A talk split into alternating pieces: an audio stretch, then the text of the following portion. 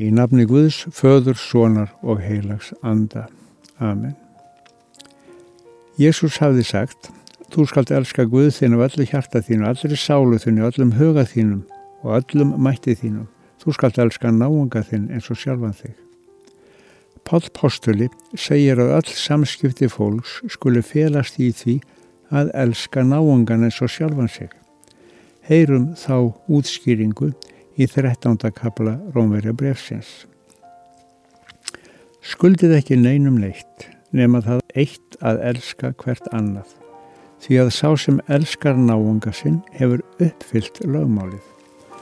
Bóðorðin, þú skalt ekki drýja hór, þú skalt ekki morð fremja, þú skalt ekki stela, þú skalt ekki gyrnast og hvert annað bóðorð er innifalið í þessari grein.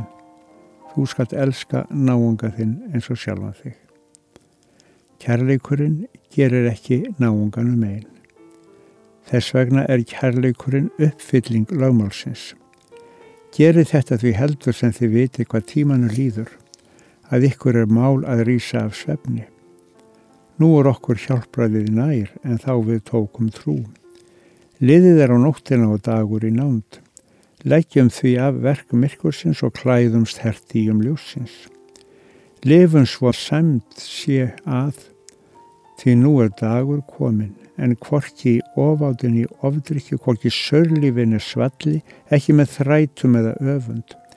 Íklæðist heldur drottni Jésu Kristi og leggjið ekki þann hug á jarnesk efni að það veki gerindir.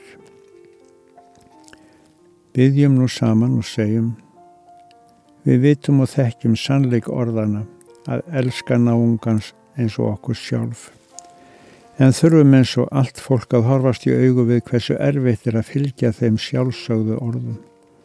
Oft gleimist það. Veittu okkur drottin hjálp til þess að eiga elsku til allra í hjarta og í gjörðum, þannig að lífið verði eins og það á að vera og blessun fylgi.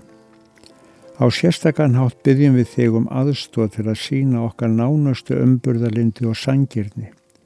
Hver dagur stittir lífið veittu okkur þreg til þess að nýta hverja stund til að sína elsku. Lát það líka ná til þeirra sem við þurfum að fyrirgefa. Þú sem ert alltaf nálegur, vinn með okkur að því sem við sjálf megnum ekki.